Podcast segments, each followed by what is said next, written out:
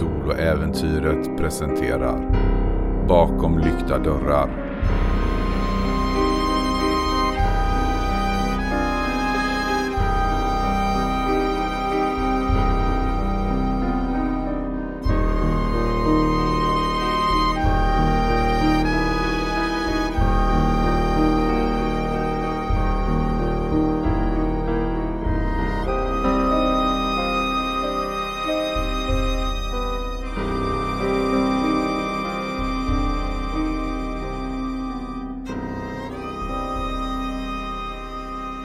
Säsong 5 Avsnitt 12 I knew you were trouble. Blodet rinner ned för dina kläder. Blodet ifrån Clarissa. Hon har fallit till marken. Och framför dig så ser du hur Lucien står med en pistol där det ryker ur kulhålet. Hjärtat slår och jag vill veta vad du gör nu Sky. Min första impuls är att rycka den där pistolen ur Luciens händer och dra den till mig med hjälp av min telekinesi. Åtta.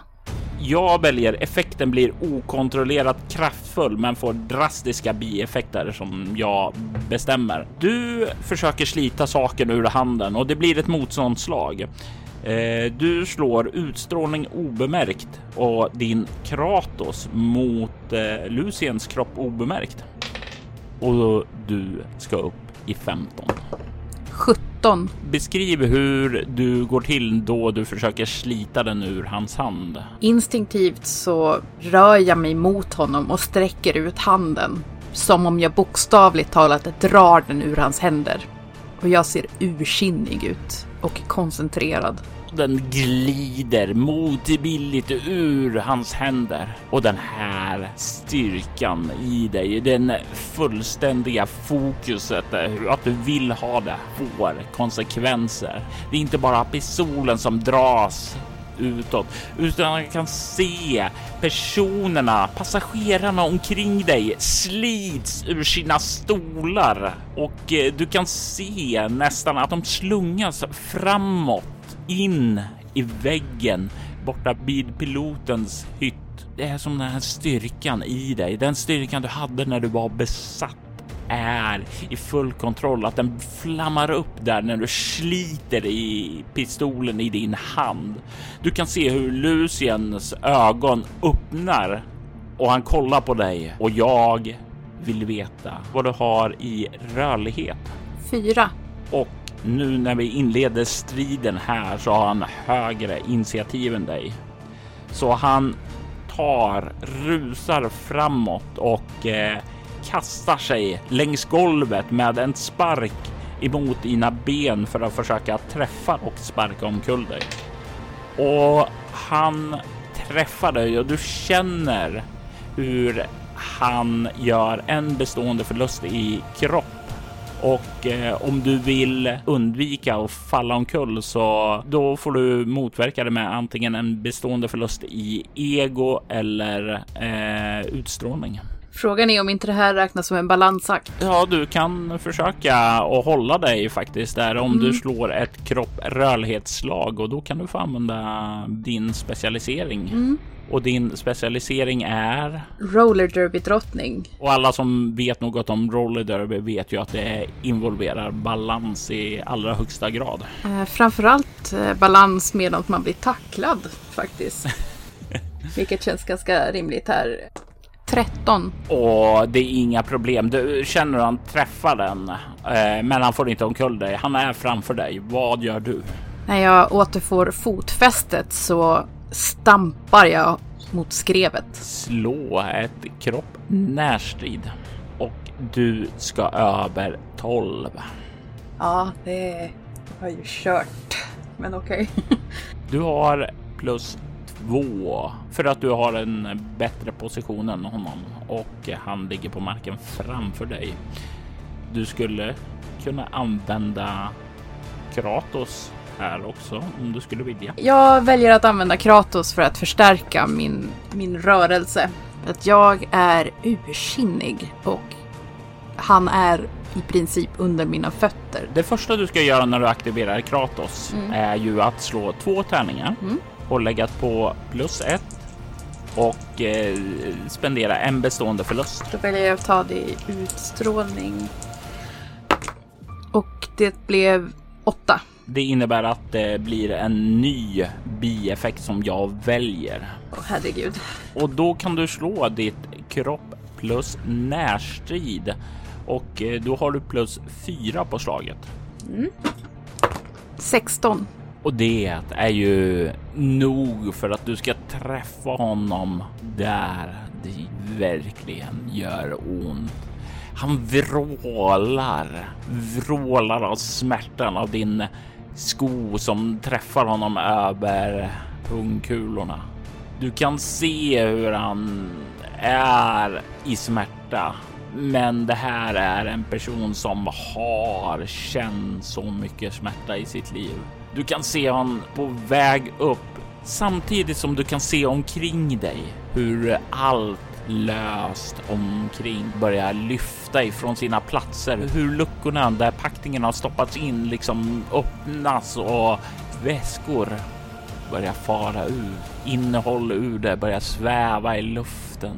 Och det är en scen där där du och han är mitt i flygplansgången. Allting omkring er börjar sväva. Du kan höra stönandet ifrån de olika passagerarna som har slängts över rummet. Du, du kan höra stönandet från personerna som har slungats in i väggen. En del skadade, andra mindre skadade. Du kan se hur Lucien kastar sig uppåt, framåt och försöker att skalla dig och du känner hur han ger dig en dansk skalle i magen.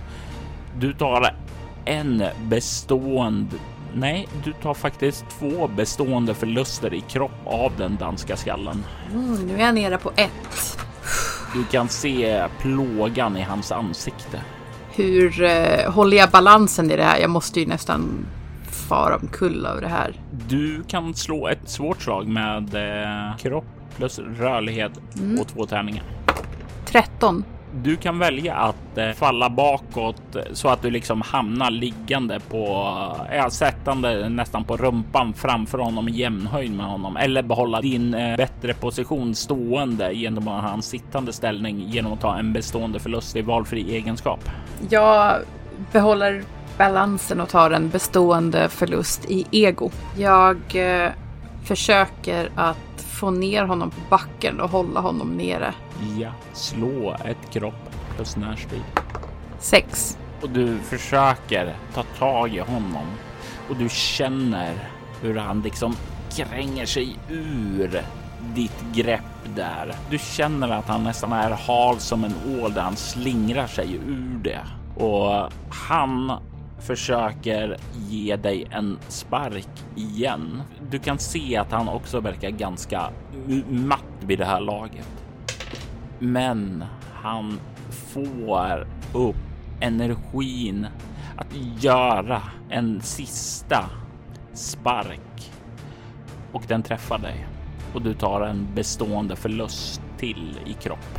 Då är jag nere på noll. Du känner han träffar dig över benen och du har, den här gången har du inte kraften nog att stå emot honom. Du känner hur du faller till marken. Huvudet slår ned vid ett av stolsätena på vägen ned och du känner aldrig hur kroppen träffar golvet för du har redan blivit medvetslös då.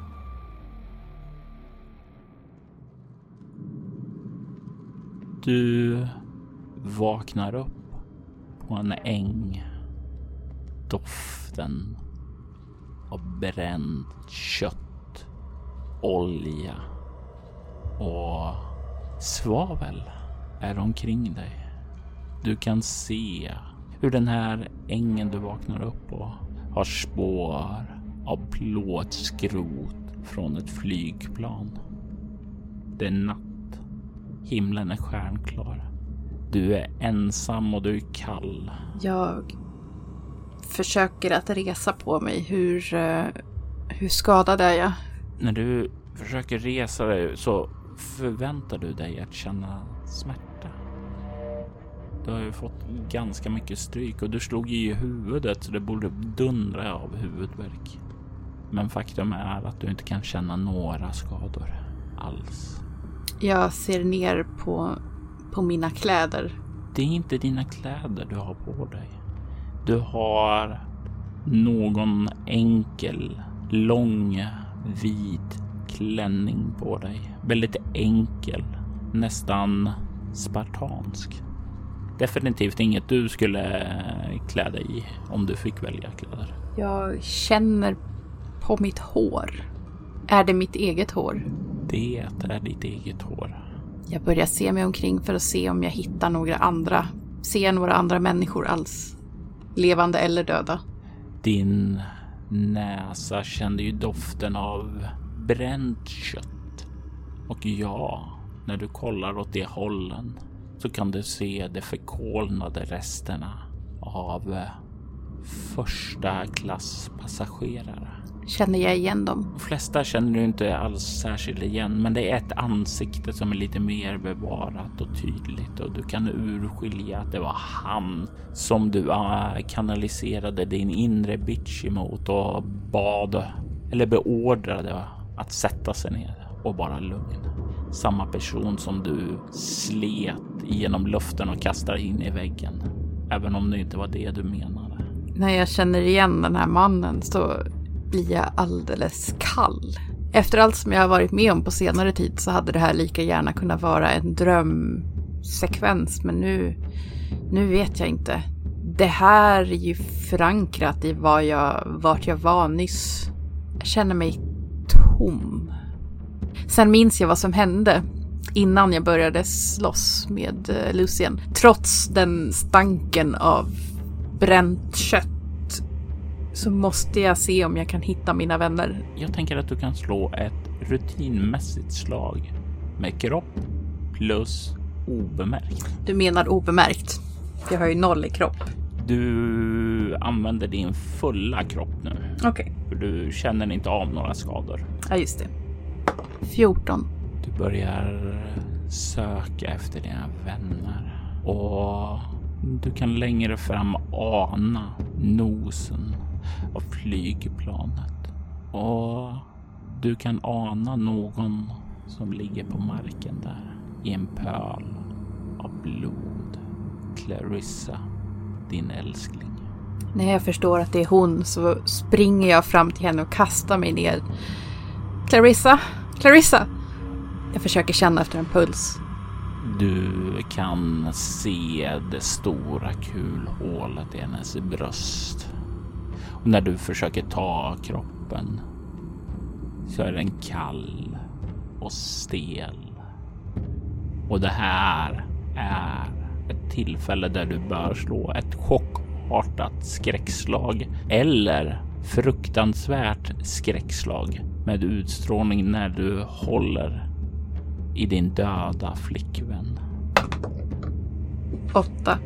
Valde du ett eh, chockartat eller fruktansvärt? Ja, nej men det är ju fruktansvärt. Fruktansvärt, självklart. Då får du tre skräcknivåer. Då har jag slut på allmänna skräcknivåer. Går du över eller hamnar du på fem? Då hamnar jag två över. Det är första gången som du kommer över väl, så mm. det innebär att du får välja om du ska sätta hur du ska sätta ut om du vill placera den på chock, galenskap eller stress. Och eftersom du går över här så första gången du får ett i någon kategori så innebär det att du får ett tillstånd också. Vad, eh, vad innebär det rent spelmekaniskt? De är ju eh, riktledande för hur du reagerar på skräcken. Chock är ju att du blir mer innesluten, introvert, lite mer åt det passiva hållet. Mer PTSD. Ja, precis. Eh, galenskap är ju Lovecraft med. Mm. Och stress är att du blir mer impulsiv, agerar innan du tänker, eh, uppstressad helt enkelt. Tillstånden som du får slumpas sedan fram och det ger några en lite mer konkret reaktion eh, med lite nackdelar och så. Eh, och ja, jag sätter ut dem i chock. Jag vill att du då slår en tärning. Fem. Du får tillståndet nedbruten. Det här innebär att du är, känner dig otroligt skakad och har svårare att stå emot mer trauma, vilket innebär att så länge du har tillståndet så får du minus ett på alla skräckslag. Noterat. Du håller i Clarissas livlösa, kalla kropp. Jag fortsätter att försöka väcka henne fast jag vet att hon är borta. Men jag förstår ändå. Jag skriker rakt ut och trycker henne till mig. Du hör någon 15 meter bort klappa en slow clap åt dig. Förskräckt vänder jag mig och tittar åt det hållet. Och du kan se en man stå där i en lång rock. Och du kan se där hur det verkar vara någonting som rör sig under hans rock. Någonting levande. Han ler emot dig med ett bländvitt leende och du kan se in i hans medelålders ansikte med en grov skäggstrubb. Och du känner ju igen den här mannen. Carver. Han ler emot dig och han säger det här går ju alldeles, alldeles utmärkt. Se vad som händer när du inte vill ha min hjälp, min guidning. Då dör folk i din närhet. Far åt helvete! skriker jag åt honom. Eh, Jag har redan varit där. Inte en särskilt trevlig plats. Men eh, det verkar som om du är på väg dit helt på egen hand. Trots allt, vi befinner oss i dödsriket just nu. Jag stelnar till och stirrar på honom. Vad menar han? Ja, vad menar han egentligen? Det sista du minns var ju att du... Lucian slog ner dig. Kan det vara så att han dödade dig? Är du död? Är det här dödsriket? Du vet inte. Du har inga svar på det. Du kan bara se Carver där som står rätt avslappnat och ler emot dig. Jag kan hjälpa dig härifrån om du vill. Och Clarissa? Och jag kan nog hjälpa din flickvän också. Du förstår, Sky, du är en väldigt, väldigt viktig person för mig. Du är ett av mina barn. Den avsmak jag känner när han säger så här fyller mig med vrede. Jag hatar honom. Men om det här är dödsriket och Clarissa är död, varför står hon inte här bredvid mig? Jag vänder blicken mot Carver. Han kollar på dig. Och det han har det här lite sadistiska leendet. Det här lilla arroganta, överlägsna leendet som han brukar ha när han känner att han är i kontroll. Det leende han hade då han tvingade dig att ställa upp i hans illegala tävlingar. I den tävling som du vann och du fick dina telekinetiska krafter från första början. Vi är något så himla stort på spåren. Jag kan inte ge upp nu och jag kan inte låta Clarissa dö. Om Carver talar sanning och det här verkligen är dödsriket. Jag ser inget annat val än att, än att ge mig i lag med demonen igen. Hur är det med eh, Hanna? Är Hanna okej? Okay? Han spottar vid sidan. Sen så vänder han blicken mot dig och säger Hanna kan ruttna där hon är. Vad vill du av mig? Jag vill ha tillbaka dig. Tillbaka dig i min famn. Där du var innan dina vänner tog bort mitt frö ur dig. Jag vill ha dig ren. Ilskan jag känner gentemot honom och hatet bubblar i mig. Jag, jag skulle hellre dö än att ge mig i lag med honom igen. Men om han talar sanning så har jag ju redan gjort det. I slutändan så är Clarissa och mina vänner viktigare än någonting annat. Och jag måste få se min, mitt brors barn födas. Jag ser mig omkring som om jag liksom letar efter en annan utväg på något vis. Jag tänker att du kan förslå ett lätt slag med kropp överlevnad. Eller ego överlevnad. Eh, jag saknar poäng i överlevnad. Betyder det att jag får minus, ja precis, minus två på slaget? Ja. Eh, ego eller kropp får jag välja själv. Ja. Fem. Vid en första anblick så kan du inte se så mycket. Du kan, det enda som liksom sticker ut här är ju att du kan se nosen på kommandobryggan, att dörren verkar fortfarande vara stängd där. Det var det sista stället du såg henne tidigare. Men du kan inte se någonting annat direkt som sticker in. Den här ängen har förvandlats till en kyrkogård av det flygplan som du befann dig ombord på. Jag sitter fortfarande på marken med Clarissa i min famn. Nu lägger jag henne varsamt ner och reser på mig. Jag ger Carver en blick och går sedan till cockpiten. Hanna kan kommunicera med de döda. Kanske om jag tar mig in i cockpiten kanske jag kan nå henne på något sätt om hon fortfarande lever. Du kommer fram till dörren och du kan nu lägga märke till eh, hur fotsteg finns vid sidan av nosen. Fotsteg som verkar leda ut ur hagen. Den leder fram till det här staketet och verkar fortsätta in i skogen längre bort. Bakom dig så kan du höra fotsteg som följer efter dig. Jag kastar en blick över axeln. Jag antar att det är Carver som följer efter mig. Det stämmer.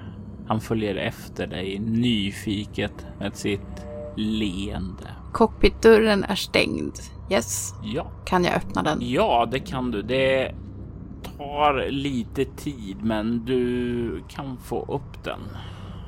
Och när du kikar in där så kan du se hur ja, nosen är liksom böjd lite nedåt i marken och rutorna är eh, och rutorna är spräckta där så det liksom är öppet ut till andra sidan. Du kan se de två piloterna sitta sönderbrända i sätena.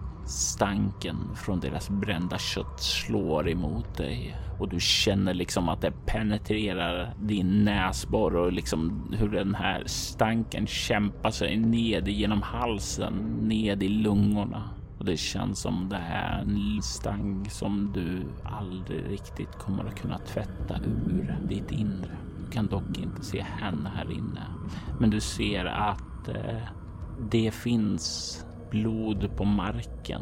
Och du kan se blod på marken utanför nosen tillsammans där det ligger massa glassplitter. Och det verkar vara därifrån som fotstegen leder. Jag följer fotstegen.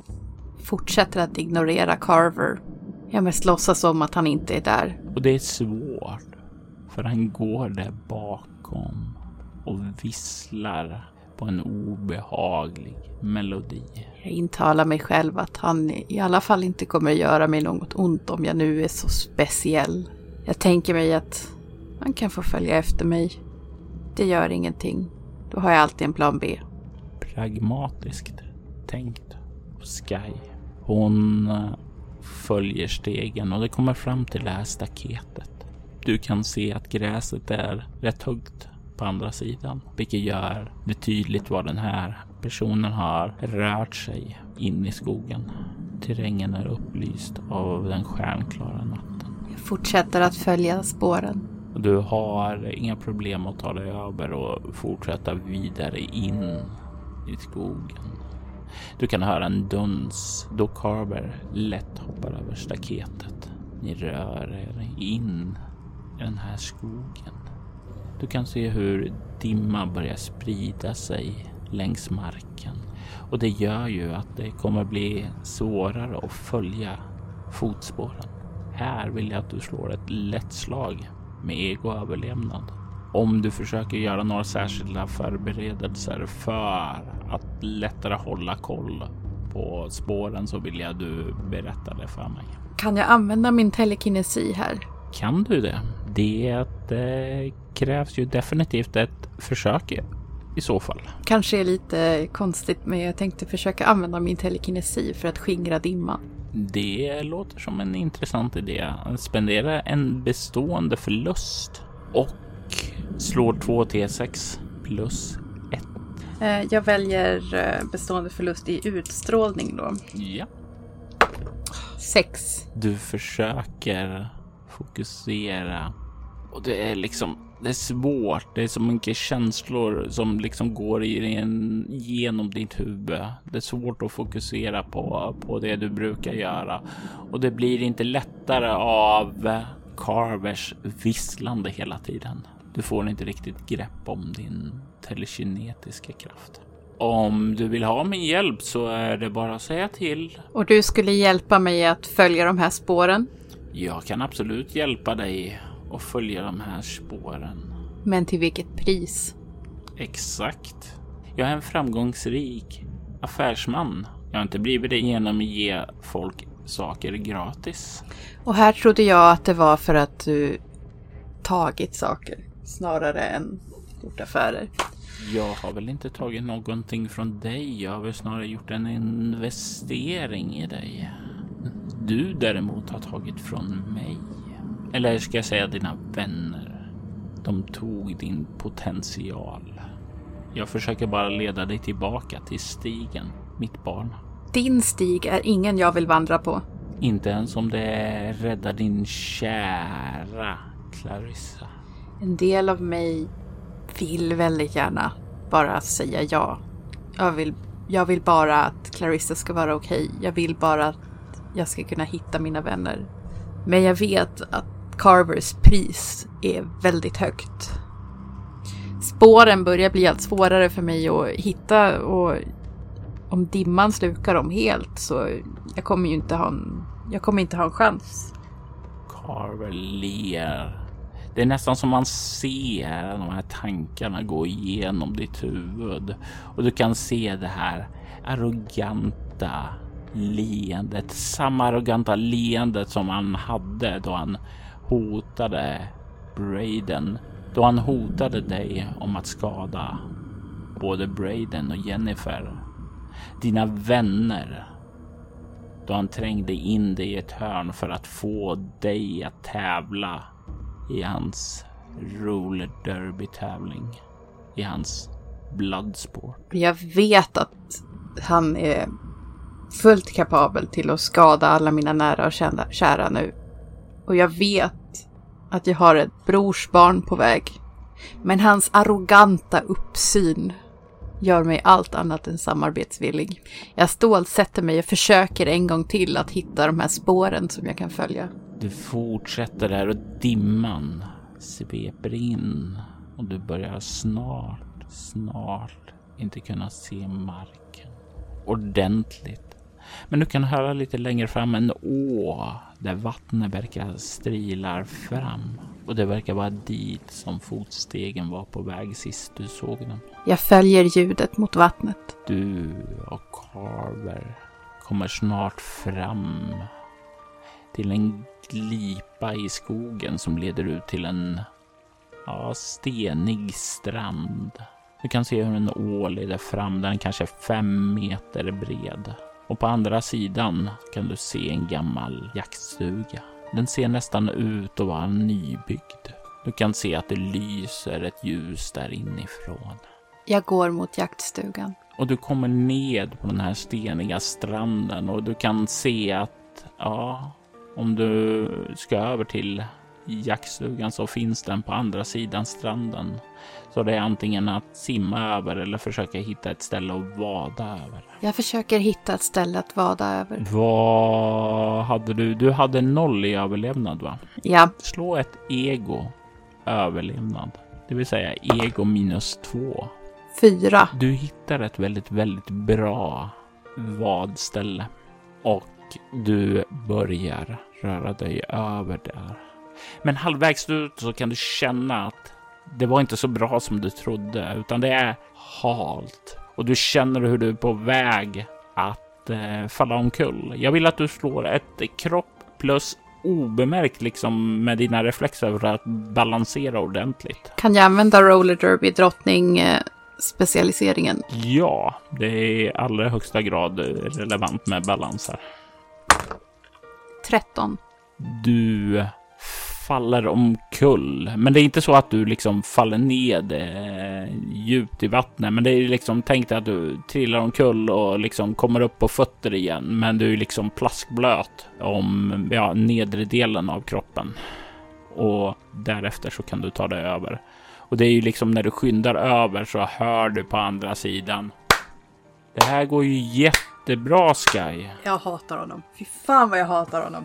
Ah. That was me talking in the sky. Men jag tror det stämmer för Sky också. Ja, jo absolut, det gör det ju. Men usch vad jag hatar honom. Jag gör ett medveten ansträngning till att fortsätta ignorera honom, låtsas som om han inte är där. Jag fortsätter mot jaktstugan. Och du kommer fram till dörren. Du kan känna nästan värmen där inifrån.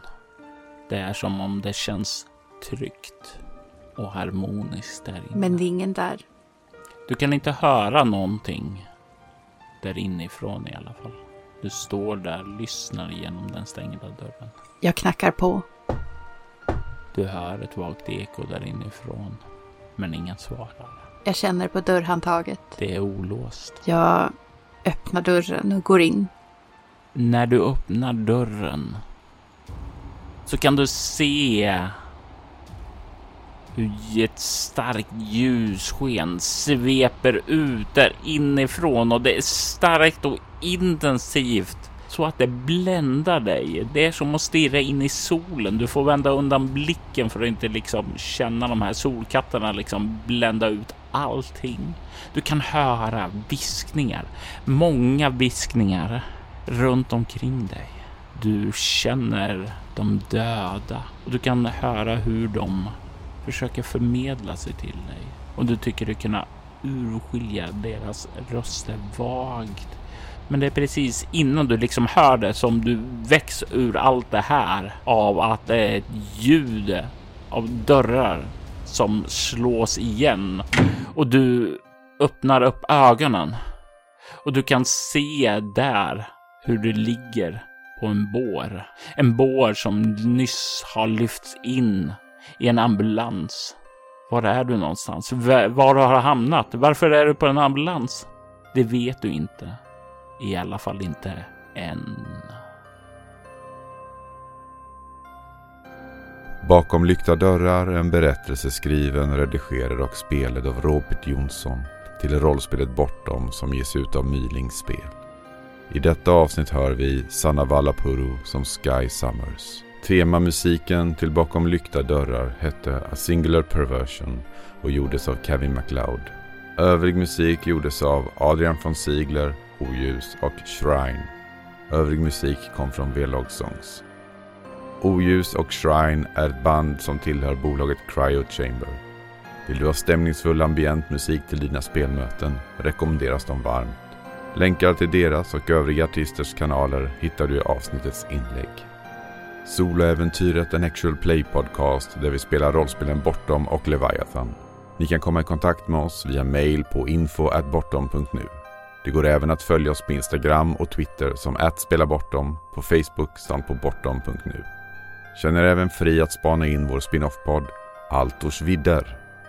Där spelar vi det klassiska rollspelet Drakar och Demoner i världen Altor. Ni är även välkomna att lämna recensioner om podden på både Facebook och era poddappar. Det uppskattas djupt av oss och kan leda till extra belöningar för er. Mitt namn är Jörgen Niemi. Tack för att ni har lyssnat.